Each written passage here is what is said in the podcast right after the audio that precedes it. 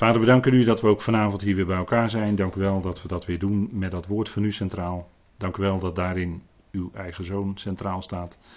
Dank u wel dat hij degene is die namens u het gericht uitvoert. En vader, we weten dat het kort en hevig zal zijn. Het is nabije toekomst als de dingen van openbaring zich gaan afspelen. Vader, wat wereldwijd enorme impact zal hebben. We danken u dat we in de tijd leven waarin wij onze verwachting richten op dat moment dat de bazuin klinkt. We danken u dat we daartoe geroepen zijn als leden van het lichaam van Christus. Vader, dank u wel dat u ons ook vanavond bepaalt bij dat profetische woord, dat zeer vast is en wat zeker vervuld zal worden, minutieus zoals u het heeft voorzegd. Vader, we danken u daarvoor en wilt u vanavond dan daarin leiden, in het spreken. Geeft u ons een geopend hart en wilt u door uw geest leiden en dat duidelijk maken wat nodig is. En mag het zijn, Vader, tot opbouw, mag het zijn tot lof en eer en verheerlijking van uw naam. Vader, we danken u voor die geweldige naam van u die redder is. En we danken u dat we mogen uitzien naar de redding uiteindelijk van allen. Vader, dat ook dat gaat komen. We u daarvoor in de machtige naam van uw geliefde zoon. Amen. Goed, Babylon, u ziet op deze eerste dia een uh, schilderij, een tekening van zoals men dacht dat de toren er misschien uit zou hebben gezien. Dat zou kunnen, maar dat is natuurlijk wat speculatief in onze tijd, wel even in historische tijden wat dat betreft is Babylon herbouwd. Het is eigenlijk nooit echt weg geweest. Babylon als plaats is nooit helemaal verwoest geweest. En daarom zijn de profetieën die spreken over de verwoesting van Babylon, zijn nog steeds van toepassing in de zin van dat ze nog niet vervuld zijn, maar ze zullen hun vervulling gaan vinden in de nabije toekomst. En Babylon is ook geen systeem, maar volgens de schrift is Babylon een daadwerkelijke letterlijke stad. En dat is ook wat aantoonbaar is uit de schrift. En dat gaan we ook vanavond doen, schrift met schrift vergelijken, om dat te laten zien. Babylon. Het gericht komt over deze stad en haar wereldmacht. In de nabije toekomst zal vanuit Babylon de macht over de wereld uitgeoefend worden.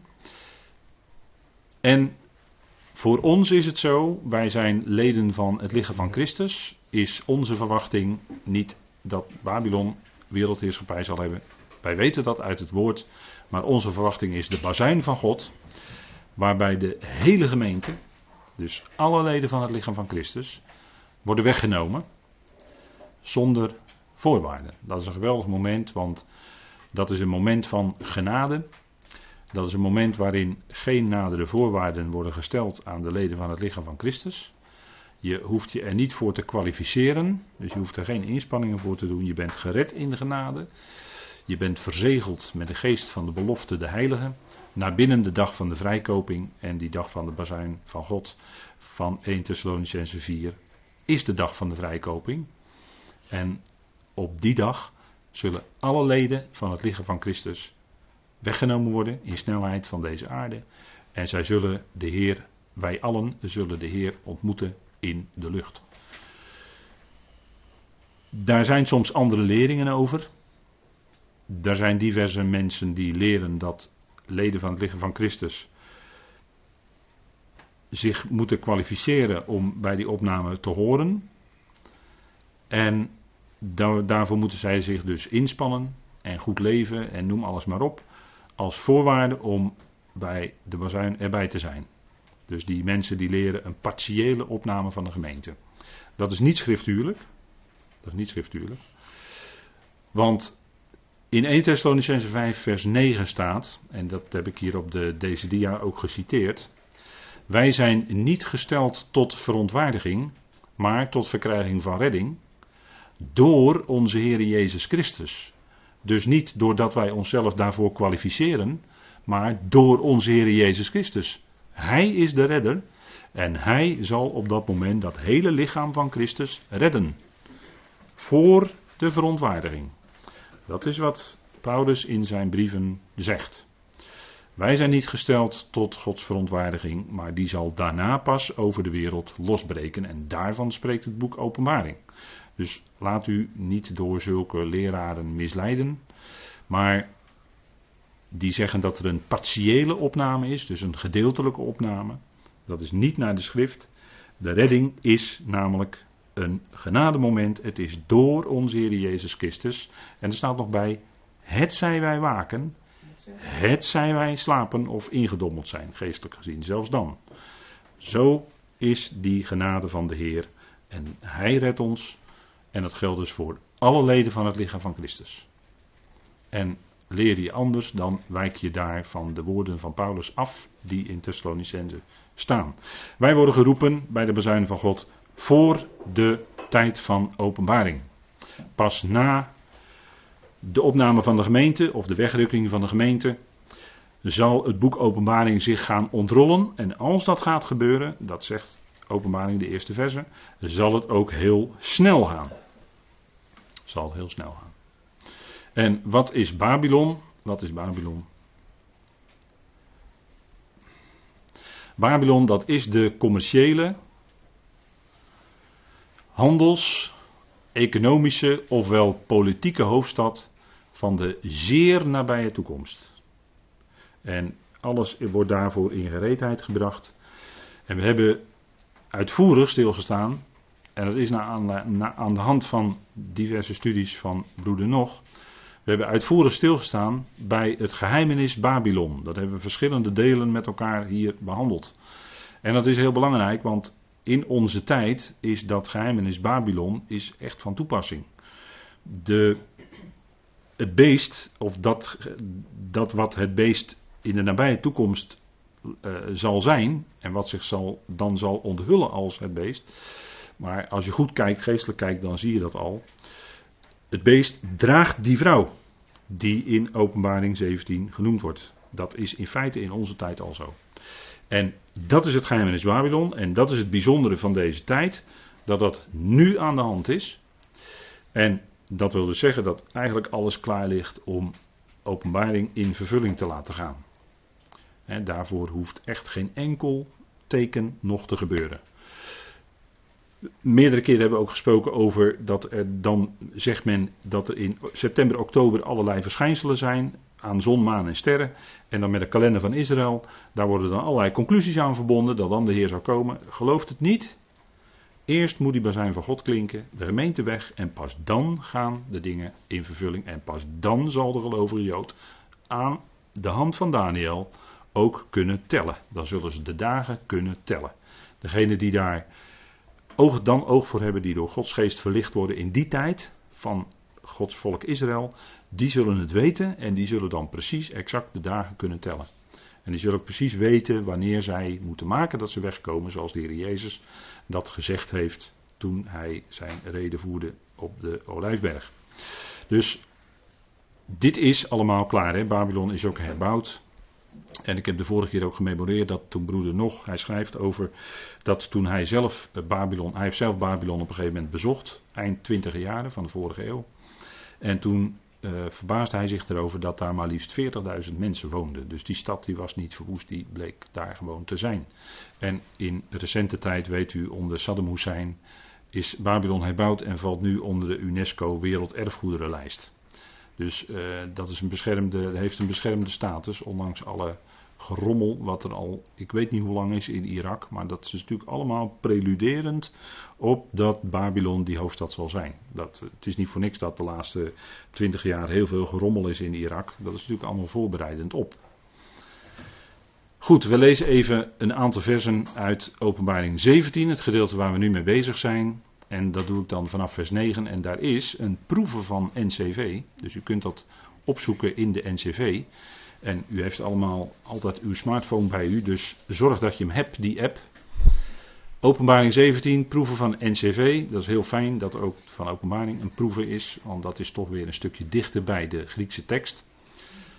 En er staat vanaf vers 9 lees ik u dan. Hier is de denkzin die wijsheid heeft. De zeven hoofden zijn zeven bergen waar de vrouw op zit.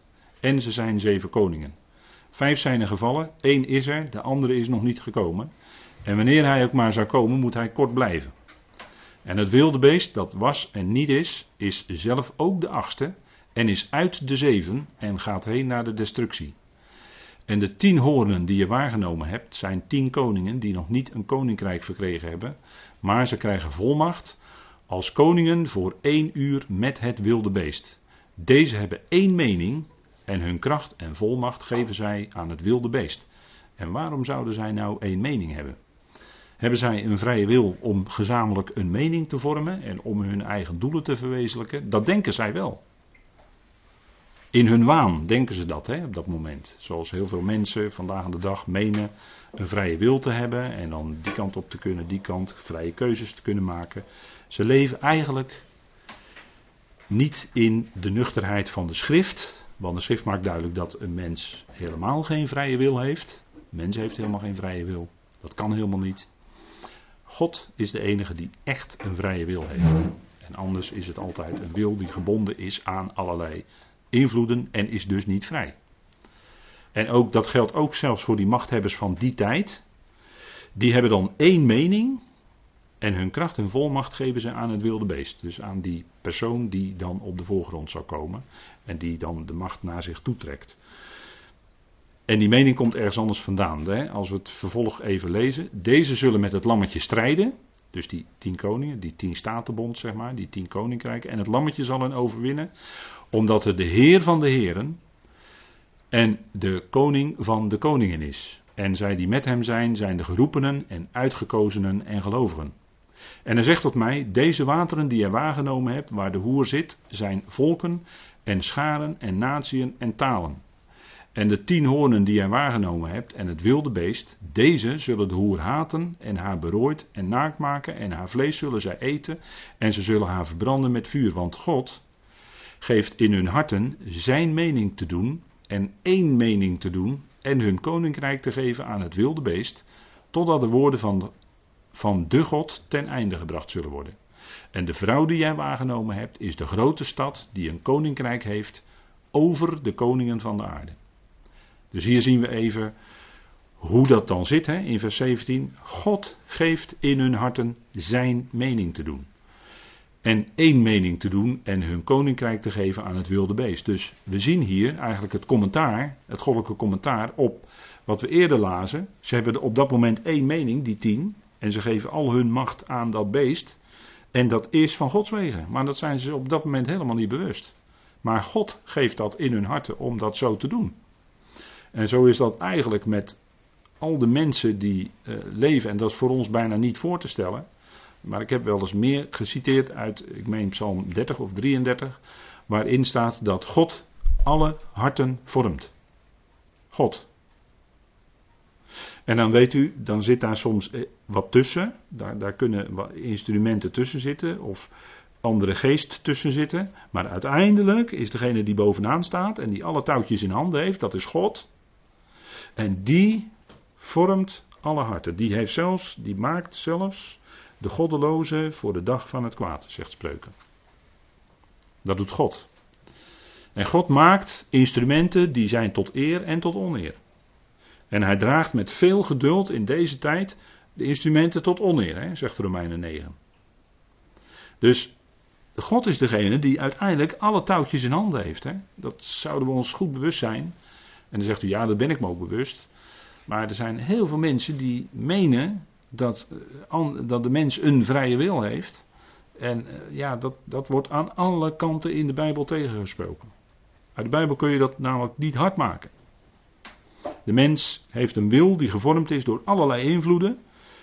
En als het er echt om gaat, dan kan die mens helemaal niet een vrije beslissing nemen. Die beslissingen die een mens neemt en de richting die een mens vervolgens opgaat, die, zijn, die is gebonden aan een heleboel factoren. Maar het is de mens zich helemaal niet bewust.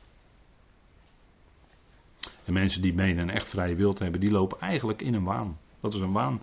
Dat is een waandenkbeeld. Hebben helemaal niet door dat ze gestuurd worden door. Terwijl ze menen vrij te zijn, zijn ze gebonden. Terwijl, en, en, als je gelovig bent, dan besef je dat je echte vrijheid is in Christus. En waar de geest van de Heer is, daar is vrijheid hoor. Daar is vrijheid. En dan ben je als mens, eh, als je in zo'n positie bent gekomen, om het zo maar te zeggen, dan ben je als mens echt vrij. Waarom? Vrij om God te dienen, dat is het punt.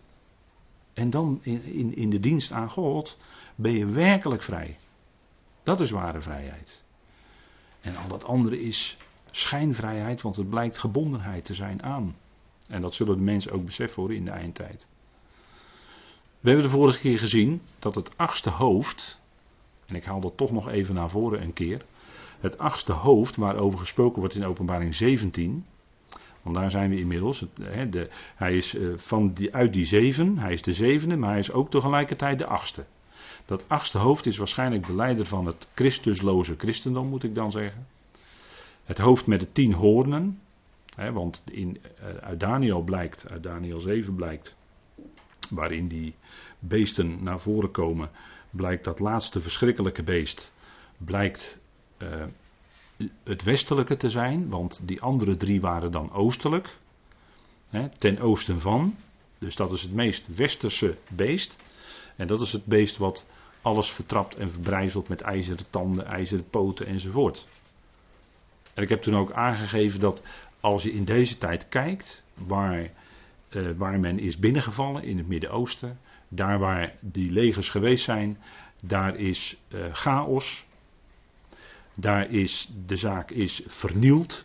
Het meest recente voorbeeld is Syrië. Het land ligt in puin.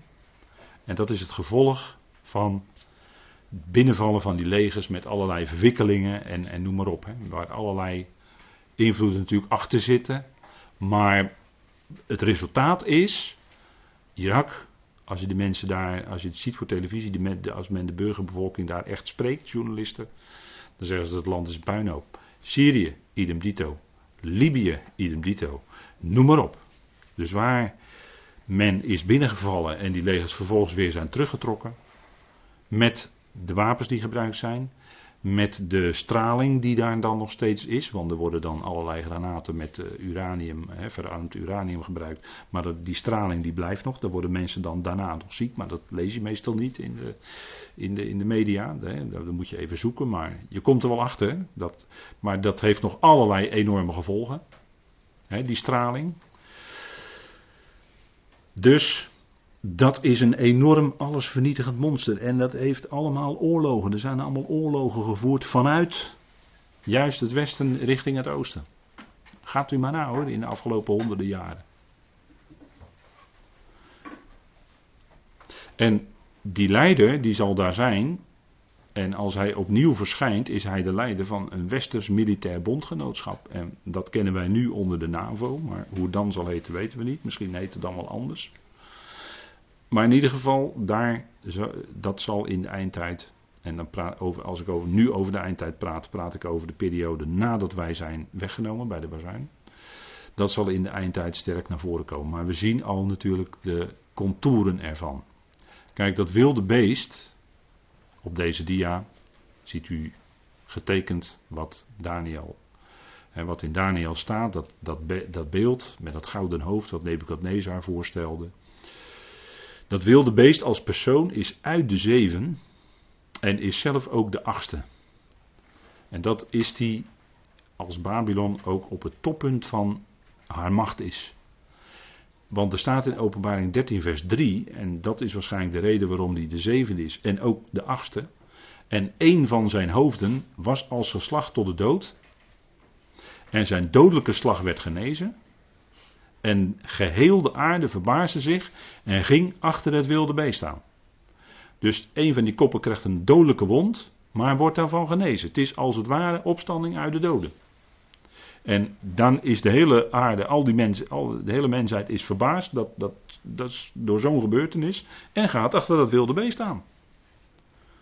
iedereen, door de media wordt dat natuurlijk groots gepresenteerd en iedereen gaat erachteraan want de mensen zijn heel makkelijk mee te slepen door de media, dat weten we. dat is als presidenten gekozen worden of gekozen moeten worden, dan worden de media ingezet. in Amerika speelt het natuurlijk heel sterk, maar worden de media ingezet en er wordt gewoon een figuur, een pion eigenlijk, die wordt naar voren geschoven en die is dan president.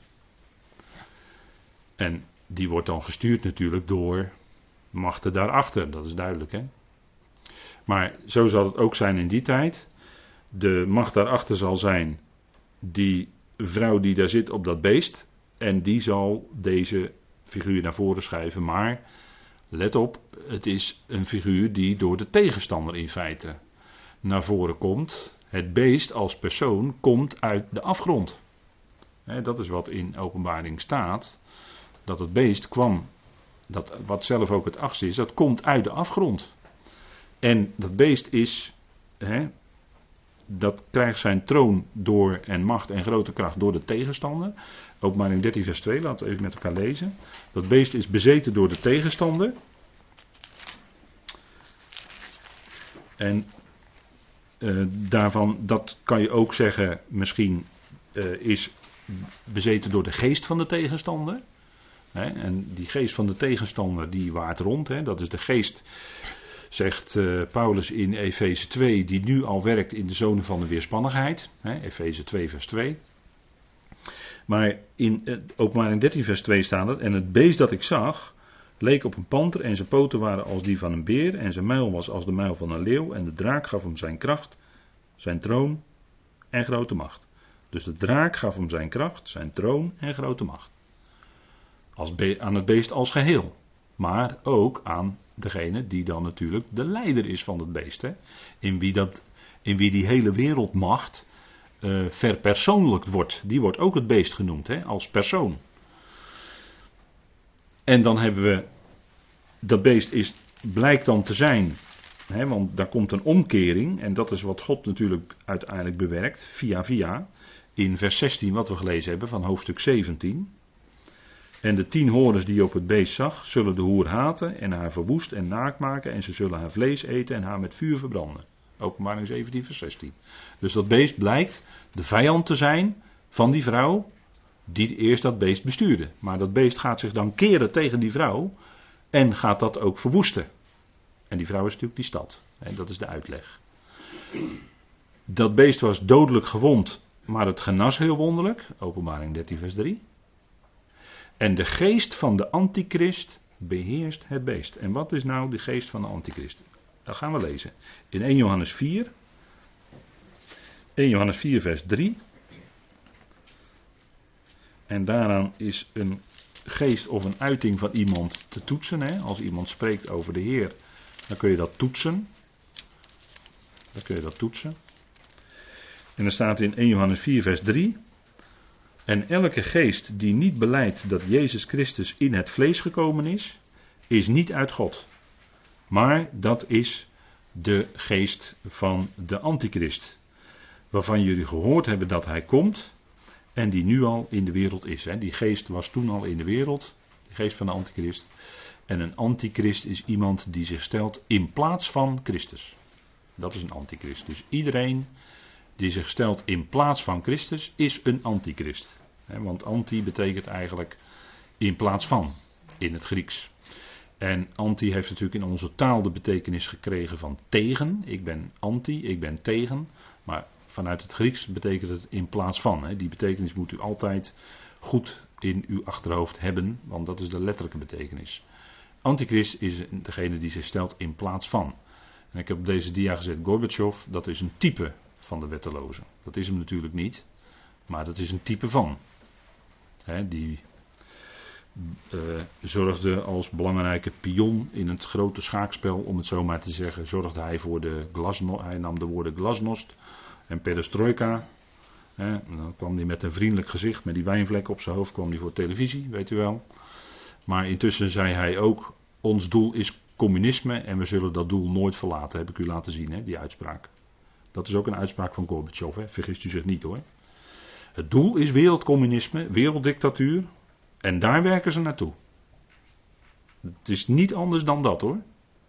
En dat blijkt ook uit de beschrijving in de openbaring. een meedogenloze, scrupuloze dictatuur door de antichrist, door de wettelozen. Dat is wat de wereld wacht. En het kun, we kunnen het helaas niet anders zeggen dan dat. Dit is wat de schrift laat zien. Dus meedogenloos. Als je het merkteken van het beest niet hebt, kun je niet kopen of verkopen. Amazon, uh, daar kun je nu al betalen door middel van je hand.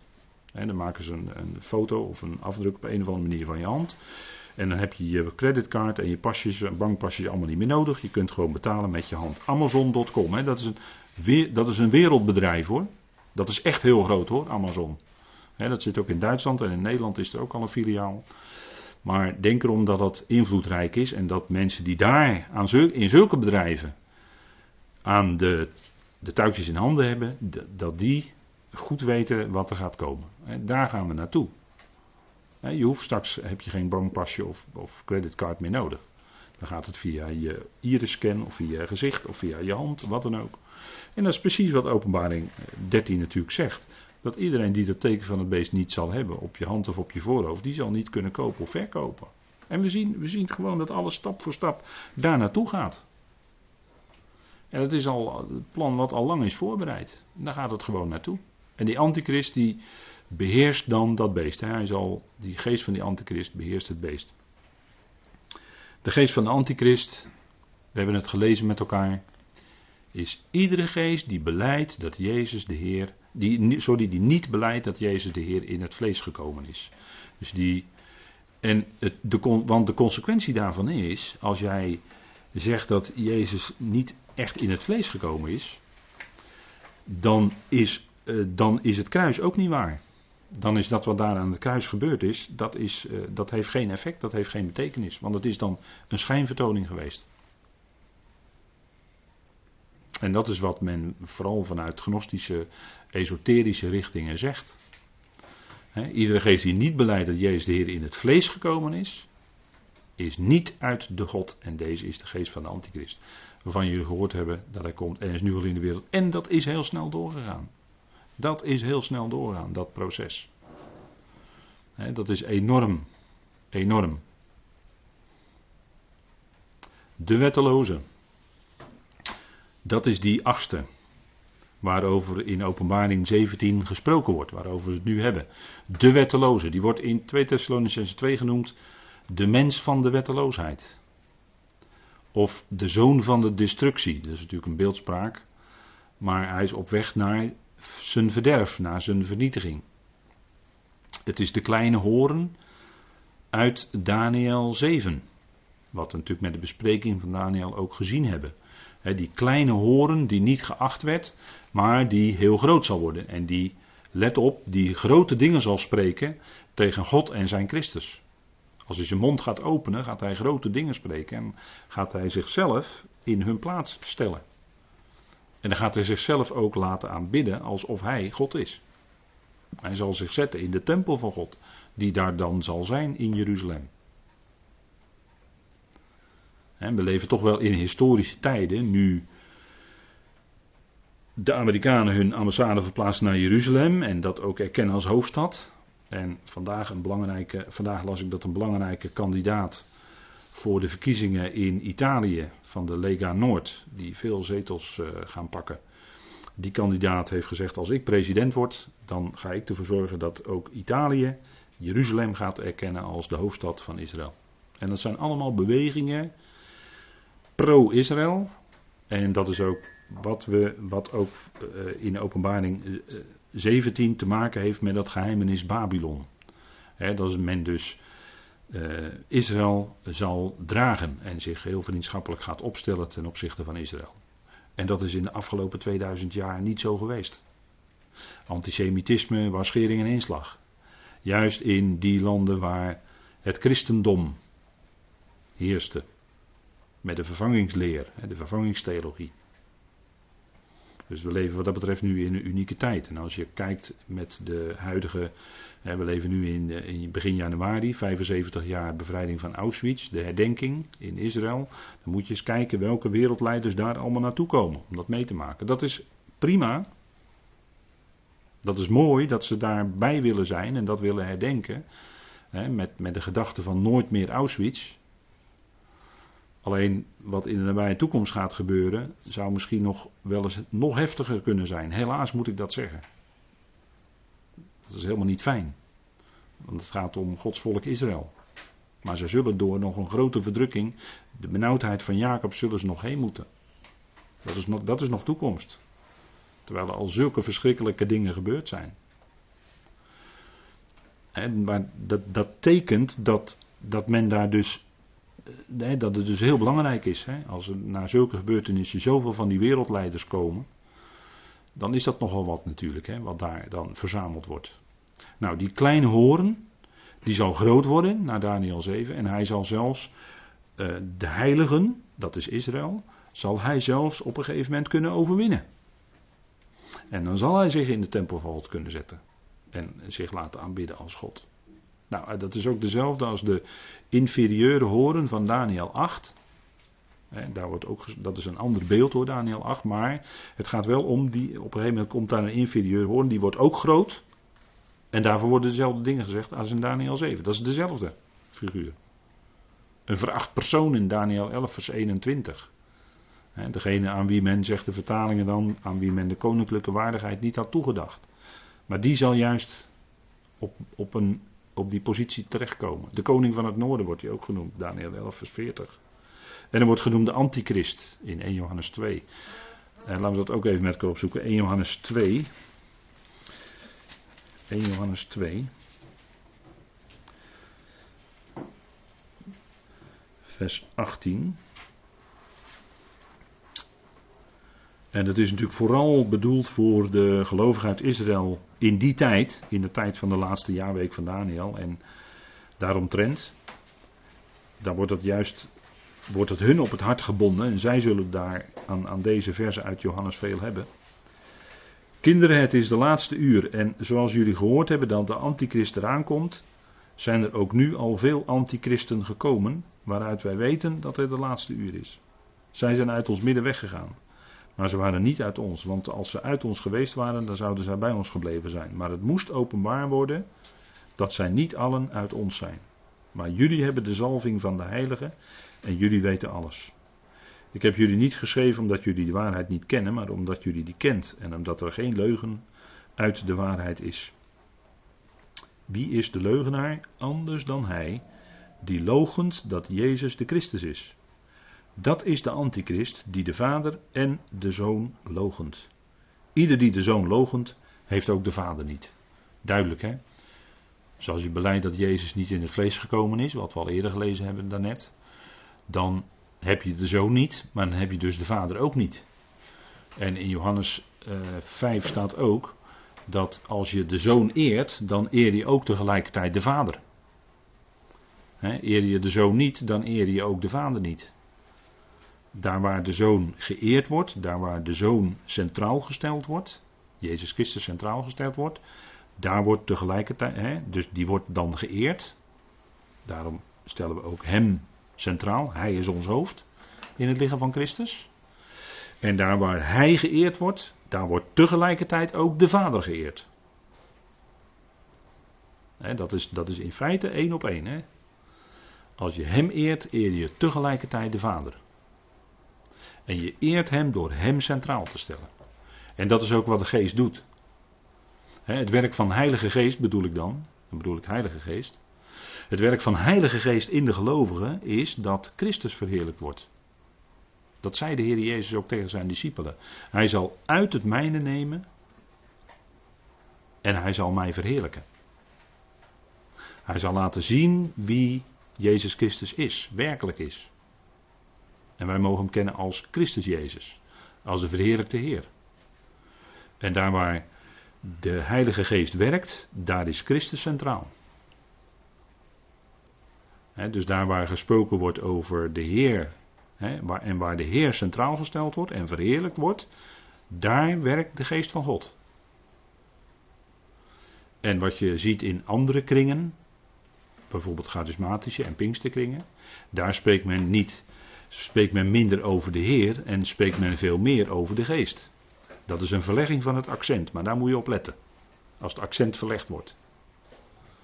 daar waar men meer gaat spreken over de geest en dat men de geest heeft en dat de geest, dat ze geleid worden door de geest, dat, dat, dan zeggen ze ik word geleid door de geest, dan moet je al heel erg opletten. Moet je heel erg opletten. Want dan kun je je afvragen of dat wel de geest van God is, of dat wel Heilige Geest is. Wat de Heilige Geest doet is de Heer Jezus Christus centraal stellen en Hem verheerlijken. Hij staat centraal. Ook in het boek Openbaring. Want het boek Openbaring is de onthulling van Jezus Christus. Het gaat om Hem. Hij is de ware profeet, priester en koning. Hij is de Heer van de Heren en de koning van de koningen. En dat zal hij laten zien ook. Als hij komt. En dan zal hij de wetteloze, zal hij door de geest van zijn mond, door zijn spreken, zal hij die teniet doen. Zal hij uitschakelen. dat, is, dat is de Heer die we mogen kennen. En met de, in de Colossense-studie zijn we nu bezig met dat hij de zoon van zijn liefde is. Hij is de zoon van Gods liefde. En God heeft in hem het al geschapen. Let wel hè. En door hem, door die zoon van zijn liefde, verzoent hij het al ook wederzijds met zich. Door hem, hè? Door hem. Hij is de eerstgeborene uit de doden. Hij is de eerstgeborene van de hele schepping. Hij is het hoofd van het lichaam, de gemeente. Dat is, dat is de enorme hoge positie die onze Heer heeft. En daarom zouden we Hem eren.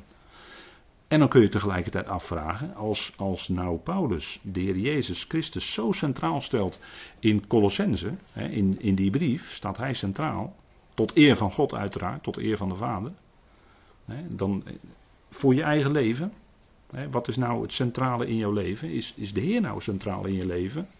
Of zijn dat andere dingen? En het kan zomaar een verschuiving van accent in je leven zijn. Dat je bezig bent met allerlei dingetjes. Maar is de Heer nou het centrale in ons leven als gelovigen? dat, dat kun je je afvragen als gelovige. Dat komt dan naar je toe als je Colossense leest. Want in Colossense is het dan opdat Hij in alles de eerste zou zijn. En dat geldt dan ook voor ons persoonlijk praktisch geloofsleven. Dat Hij in alles de eerste zal zijn. dat, dat, dat is het punt. En dat kun je afvragen. Straks zal de wereld zal die wetteloze centraal stellen. Maar wij, wij hebben niet de geest uit de wereld ontvangen, maar de geest die uit God is. En wij hebben dan geleerd wat ons in genade geschonken is. Dat is enorm veel, dat is enorm rijk. En dus allemaal dient dat om te zijn tot eer van Hem. dat is het punt. de Heer staat centraal in de openbaring. En, en het zou ook zo zijn dat Hij in ons leven centraal staat. daar gaat het om. Dat is van belang. We lezen dan, en ik heb dat voor u even overgenomen uit de proeven van concordante vertaling, uit 2 Thessalonicense 2. We hebben het nu over die achtste in openbaring 17 en ik wil dat toch wat, wat, wat accenten opleggen om dat, hè, te laten zien vanuit de schrift wie dat is. Nou, dat is de wetteloze. Dus dat is degene die zich totaal niet zal aantrekken van wetten, van regels of wat dan ook. Die gaat gewoon volledig, althans dat denkt hij, zijn eigen gang om die wereldheerschappij uit te oefenen. En er staat, wij vragen jullie nu broeders, en is ook proeven van concordant vertalen, aangaande de aanwezigheid van onze Heer Jezus Christus en onze opzameling tot Hem. En dat is een mooie aanduiding van de opname van de gemeente. Onze opzameling tot Hem. Hier gaat het over zijn aanwezigheid, zijn parousia in de lucht. Dat jullie niet snel geschokt worden in jullie denkzin en ook niet gealarmeerd worden, nog door geest, nog door woord, nog door een brief, als door ons geschreven, maar dus niet, hè. Alsof de dag van de Heer tegenwoordig is. Want dat dachten die Thessalonicenzen. Die dachten dat de dag des Heren al begon aan te breken. En ze stonden waarschijnlijk onder grote druk. Maar laten ook wij, hè, laat je niet alarmeren door een geest of door een woord wat iemand zegt of door een brief. Nee, het gaat om dat wat geschreven staat. Hou je bij dat wat Paulus ons schrijft in die Thessalonicense brieven. Hou je daaraan. Wijk daarvan niet af. Laat niemand jullie misleiden, zegt Paulus. Op geen enkele manier komt immers niet de afval eerst. En wordt niet de mens van de wetteloosheid onthuld de zoon van de destructie. Hè? Dat gaat namelijk vooraf. Waarom zegt hij dat? Komt niet de afval eerst? Waarom zegt Paulus dat zo? Hij had erover gesproken met die Thessalonicense. En daarin had hij laten zien dat eerst die afval, de aarde wordt ter, op de, de waarheid wordt op de aarde geworpen. Staat in Daniel 8. En hij had met die Thessalonicense gesproken vanuit Daniel, dat blijkt. Maar die afval die moet eerst komen. Eerst moet die waarheid uitgeschakeld worden. En dan, en dan, dan zal die dag des Heren gaan aanbreken. Daar heeft hij het over. Hij heeft het niet over de bazuin, de wegrukking van de gemeente hier. Maar hij heeft het over het aanbreken van de dag des Heren. En in dat verband, zegt Paulus, komt immers niet de afval eerst. Voordat die dag des Heren gaat aanbreken. En wordt niet de mens van de wetteloosheid onthuld, de zoon van de destructie, die zich tegenstreeft en zich verheft boven alles wat God of voorwerp van verering genoemd wordt. Zodat er zelf in de tempel van God gaat zitten, zichzelf tonen dat hij als God is. Want dat gaat allemaal gebeuren als wij weg zijn. Dat is wat Paulus zegt, hè? Zolang we nog op aarde zijn, zolang wij als leden van het lichaam van Christus nog hier op aarde zijn, gaat die dag des Heren nog niet aanbreken. Dat is wat hij hier zegt. En, en laat u niet misleiden.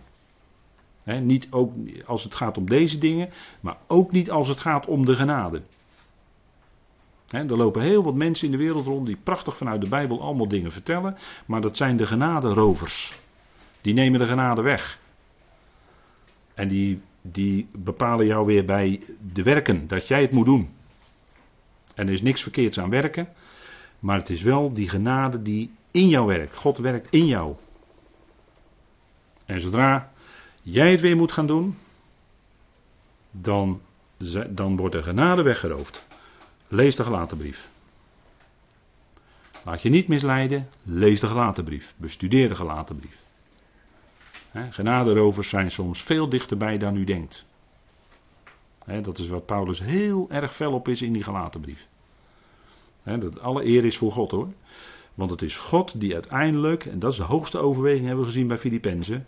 Het is God die in ons werkt, zowel het willen als het werken. Beide, hè? zowel het willen als het werken. Dat is God die dat in ons werkt. Door zijn geest. Daar ligt het accent.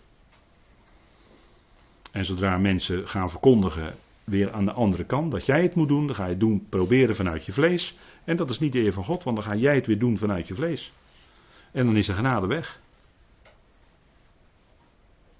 dus ook in dat verband zou ik willen zeggen: laat niemand jullie misleiden. Maar houd je bij de woorden van de Galatenbrief. Lees die, bestudeer die, leef daaruit. Dat, is, dat, is belang, dat zijn belangrijke aspecten. En zeker nu het eindtijd is en die andere geestelijke machten steeds meer druk gaan uitoefenen. We hebben die wapenrusting heel hard nodig hoor.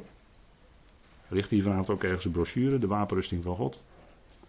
Maar die wapenrusting hebben we heel hard nodig in deze tijd.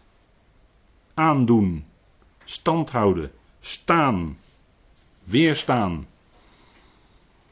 Met die wapenrusting die je van God krijgt. De weerhouder is namelijk het lichaam van Christus. Zolang wij hier nog op aarde zijn, zijn wij de weerhouder. En pas als wij weggenomen zijn, dan pas kan de wetteloosheid doorzetten. Dat zegt Paulus in het vervolg van 2 Thessalonians 2. Herinner jullie je niet dat ik jullie toen ik bij jullie was deze dingen zei en nu weten jullie wat hem tegenhoudt? Om onthuld te worden in zijn eigen era. Die wetteloze die zal onthuld worden in zijn eigen era. Dat is door God bepaald, die tijd. Tuurlijk is dat God, door God bepaald. God bepaalt alle tijden wanneer iets gebeurt. Ook de details. Want het geheimnis van de wetteloosheid is al werkzaam. Alleen is er nog die momenteel tegenhoudt. Tot die uit het midden weggenomen wordt. En dat is de gemeente, als u het mij vraagt. Dat is de gemeente. De weerhouder, de tegenhouder. Als die uit het midden van de mensen wordt weggenomen, als die gemeente weggenomen is, dan zal de wetteloze onthuld worden. Hem zal de Heer Jezus optillen, dan zal de wetteloze onthuld worden, dan zal hij zijn gang kunnen gaan. En hem zal de Heer Jezus optillen met de geest van zijn mond en buiten werking stellen door de verschijning van zijn aanwezigheid. Dat is zijn parousia. Wordt hier weer het woord parousia gebruikt, aanwezigheid. Dat is zijn parousia als hij komt voor Israël. Als hij zijn voeten gaat zetten op de Olijfberg. Waar Matthäus 24, vers 29 tot 31 over spreekt. Dat is zijn parousia. Maar dat is een ander moment. Hè? Dat is een verdere fase. Dat is niet de bazuin van God 1 Thessalonians 4. Die dingen moet je niet met elkaar verwarren. Matthäus 24 gaat over andere dingen. Die gaan plaatsvinden na de bazuin van God. En in beide gevallen, zowel in Thessalonicense als in Matthäus 24, wordt het woord parousia gebruikt. Maar dat is een ander moment van aanwezigheid van de Heer. Op de Olijfberg. Die dingen moet je ook niet met elkaar verwarren. Je moet niet zulke schriftgedeelten die aan verschillende doelgroepen geschreven zijn, moet je niet door elkaar gaan husselen omdat je hetzelfde Griekse woord tegenkomt.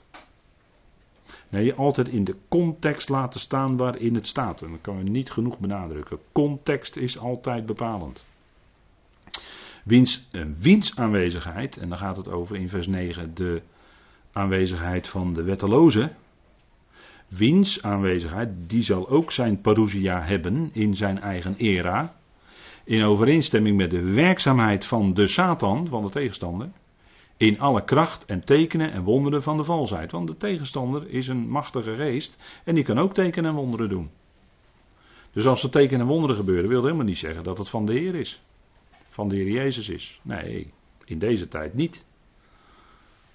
Dan zit daar iets anders achter. Teken, als, er, als er echt tekenen en wonderen gebeuren in deze tijd, dan zit daar iets anders achter. dat, en de misleiding is natuurlijk heel groot. Maar de verleiding ligt zo enorm op de loer. Goed, we gaan terug naar openbaring. Die wetteloze, dat is die achtste, die de leider zal zijn van dat beest. Die onder zijn leiding zal dat beest dus die hoer haten, als ze doorhebben wat er werkelijk gebeurd is. Dat ze allemaal schatplichtig zijn door middel van betaling van uh, enorme sommen gelds, omdat oorlogen gefinancierd moeten worden. En er zijn heel wat oorlogen geweest. En je wordt steenrijk als je beide kanten kan financieren van de partijen die met elkaar conflict hebben. En dat is in het verleden gebeurd. Daar zijn mensen die werden tegelijkertijd van beide partijen rijk. Omdat, ze, omdat de wapens gekocht moesten worden. Nou, er werd geld geleend tegen rente.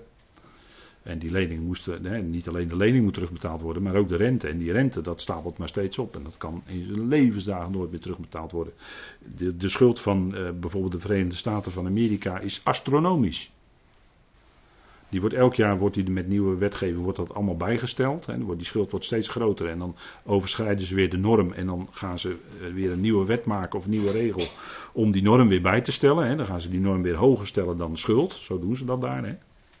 Maar die schuld is zo verschrikkelijk groot, kunnen ze nooit terugbetalen. dat loopt in de biljoenen dollars. Dat zijn echt eh, bijna onmetelijke bedragen. Nou, dat kunnen ze nooit meer terugbetalen. En ze zijn schatplichtig aan. En ze zullen ontdekken dat het in feite is die ontrouwe vrouw, die hoer die er zit op dat beest. Daar zijn ze schatplichtig aan. En als, dat, als ze dat doorkrijgen, ja, dan zullen ze die hoer haten en ook willen vernietigen. Want als je die vernietigt, ben je ook gelijk van je schuld af natuurlijk. Hè? Zo moet je het ook zien. Zo, zo wordt het natuurlijk ook gedacht. Hè? Dat moet je wel even beseffen. Nou, die tien horens, dat is waarschijnlijk het Christusloze christendom. Want die heeft de grootste militaire macht nog steeds in de wereld, op, met afstand. En dat Christusloze christendom heeft altijd de Joden gehaat. De pogroms en de eh, Jodenvervolgingen en de haat wordt allemaal in de landen waar het christendom, het Christusloze christendom heerste. Daar werden ze het ergst vervolgd, de Joden. En dat is alleen maar dan een, nog weer een bladzij in die vervolgingen, die, waarvan er al zoveel geweest zijn. Kijk, die oorlogen die kosten heel veel geld. En, er moet ook, en over dat geld moet ook rente betaald worden. En dat is bij de christelijke volkeren, Amerika voorop. dat dat militair-industrieel uh, complex in Amerika, dat is heel machtig. Maar dat kost ook heel erg veel geld. Heel erg veel geld. En in de tijd dat men de Golfoorlog startte. En uh, ook na 9-11 werden de budgetten voor defensie enorm verruimd. Dat, hè, iedereen ging ermee akkoord. Hè, na die traumatische ervaring van 9-11 ging iedereen ermee akkoord. En uh, dan werden de, uh, met vele miljarden werd het budget vergroot hè, van defensie. En dus niet uh, defensie betekent verdediging, maar het was natuurlijk eigenlijk om aan te kunnen vallen. En dat is het punt. Hè. De rente of de, de vrede wordt dan. Hè, men gaat dan democratie en vrede brengen uit de loop van een geweer of uit de loop van een tank. Hè, zo werkt dat. Hè. Vrede brengen uit de loop van een tank. Met tanks en bom. Dat is natuurlijk raar hè, als je er goed over nadenkt. Nou, dat is een plaatje van eindtijd. Er wordt ook weer een grote oorlog gevoerd tegen, niet alleen tegen Israël, want in, openbaar, of in Daniel ook staat dat die, uh, dat beest, dat gaat de heiligen aanvallen en zelfs overwinnen. Die zal zelfs de overhand krijgen. Van Gods wegen wordt dan, dat dan toegelaten.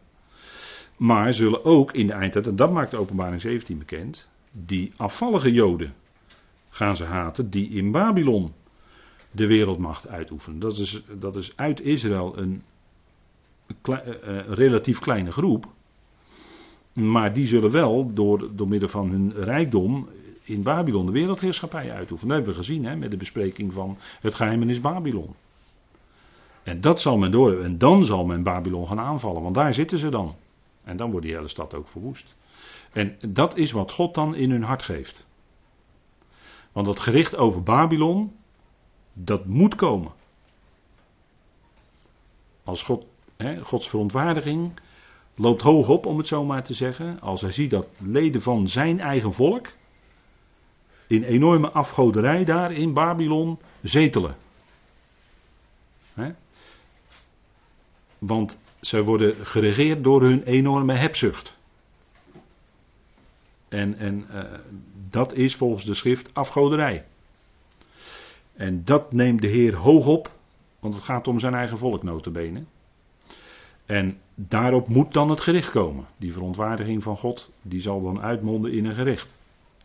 En die tien horens, of die tien koningen, staat er in openbaring 17 vers 12, die zullen in één uur macht ontvangen met het beest. Met het beest. En dat is wat God in hun hart geeft. Hè? Dat hebben we gezien. Dat zij zijn mening eigenlijk doen. Hè? Ze vormen één mening en ze denken van nou, nu hebben we consensus en nu gaan we aanvallen. En ze denken dat ze dat allemaal zelf bedacht hebben, dat ze dat zelf kunnen plannen. Maar in feite is dat de, mening van God, want God vindt, hè, hier wordt mensvormig dan over God gesproken, dat God een mening heeft. Dat is mensvormig spreken over God, dat gebeurt vaker in de schrift natuurlijk om het voor ons duidelijk te maken.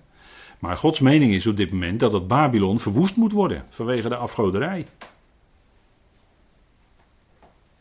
we hebben gezien in de, in de eh, loop van de besprekingen dat uh, in de schrift wordt de afgoderij van Israël, want Israël was getrouwd met Yahweh, wordt beschreven als overspel en hoererij.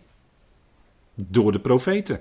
Ezekiel, eh, je kunt het lezen in Jeremia, je kunt het lezen in Hosea, je kunt, hè, noem maar op. En daarom wordt die vrouw in openbaring 17 ook zo aangeduid. Als een grote hoer die daar zit op vele wateren. Die regeert de volkerenzee. En dat komt omdat ze afvallig is geworden van Yahweh. Van haar man in feite, dat zijn de afvalligen van Yahweh. En, en, en daarop komt het gericht. Hè? Dat is ernstig, dat is heel ernstig. De, gerichte, de gerichtmoment is heel ernstig. een confederatie geeft volmacht aan de wettelozen, dat zal dan gaan gebeuren. Deze hebben één mening en hun kracht en volmacht geven zij aan het wilde beest. Openbaring 17, vers 13. In misschien wel een of andere, dit plaatje heb ik er dan bij gevonden. Eh, een of andere ronde tafelconferentie. Dit zijn dan de G7 of de G8, weet ik het. Acht zijn het er geloof ik in totaal. Maar goed, uh, dat, dat kan best. Dat, kan, dat zal zoiets zijn natuurlijk. Hè? En dan zal er een conferentie belegd worden. Dan geven ze, ze, geven ze al hun macht aan dat, aan dat beest, aan die persoon. En die zal het dan allemaal gaan uitvoeren. Onder, onder dienstleiding. Maar die persoon is dan bezeten door de, geest van de tegenstander. Dat moet je natuurlijk niet vergeten. En dan staat er: deze zullen met het lammetje strijden. Dat is uiteindelijk het eindgericht. En het lammetje zal hen overwinnen vers 14, omdat het de Heer van de Heren en de Koning van de Koningen is, en zij die met hem zijn, zijn de geroepenen en uitgekozenen en gelovigen. Dus de Heer zal uiteindelijk overwinnen, dat is de grote slag. Hè, de legers zullen zich verzamelen bij Armageddon. En daarna zal er een grote slag plaatsvinden.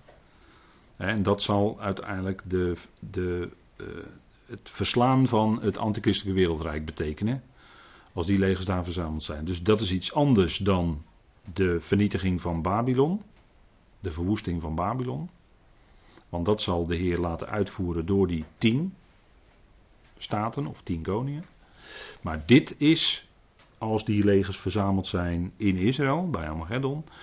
En dan zal de Heer met hen in het gericht treden en zal de Heer hen zelf verslaan. Die, al die legers. dat, uh, ze zullen zich dan verzamelen bij, op die vlakte bij Megiddo. Daar heb je dan Har Megiddo, de berg bij Megiddo. En daar zullen die uh, enorme legermacht zich verzamelen en de Heer zal hen dan daar vernietigen. Dat is wat nog toekomst is, uiteraard. En hij zegt tot mij, dat is dan de verklaring, de wateren die jij waargenomen hebt, waar de hoer zit, zijn volken en menigten en natieën en talen. De psalmist die zei het al, waarom woeden de natieën? Daar gebruikt hij een woord wat je ook van de zee kan gebruiken. Waarom woeden de natieën en bedenken de volken zinloosheid? Ze willen die banden van de Heer van zich afwerpen. En in die tijd leven we natuurlijk. Hè. Men wil de banden van de Heer van zich afwerpen. Dat doet men ook. Met alle schadelijke gevolgen van dien. Maar de Heer heeft zijn koning al gesteld. In Sion heeft die koning al klaar. Dat is de Heer van de Heren en de koning van de koningen. Die zal door God dan ingezet worden. En uiteindelijk is het geweldige wat we in openbaring ook lezen. Want we lezen daar dat God dat zij die, mening doen dat hij het in hun hart geeft. Met andere woorden, God heeft alles onder controle. God geeft in hun harten om zijn mening te doen. Dat hebben ze niet door, maar dat gebeurt wel. Zo, is, zo, zo ligt het uiteindelijk wel. Het is God die dat doet. Hij heeft alles onder controle. Dat is het licht wat wij zien stralen over deze hele donkere periode van de menselijke geschiedenis. Het culminering van deze boze aion. culminering van deze boze eeuw, daar zitten we heel dicht tegenaan. En daarom is die geestelijke druk groot. Maar God heeft uiteindelijk toch alles onder controle. Alles is, hè, dus zo kun je de boodschap van de schrift heel mooi samenvatten in Romein 11 vers 36. Dat alles is uit hem, maar ook alles is door hem, door hem. Let wel hè. En alles is uiteindelijk tot hem. Tot eer van hem. Alles zal bij hem komen. Daar brengt hij het toe. Hè? Kijk, God is veel en veel groter dan mensen denken. Hij is veel en veel machtiger en veel meer liefde dan mensen denken. Als hij veel groter is dan wij kunnen bedenken, betekent tegelijk dat zijn liefde ook veel groter is dan wij kunnen bedenken. Zijn liefde zal uiteindelijk iedereen weten te vinden. Ook datgene wat verloren was. Mensen gaan niet voor eeuwig verloren. Dat kan niet. Dat is onmogelijk. God weet ze te vinden. En de tweede dood wordt uiteindelijk ook opgeheven.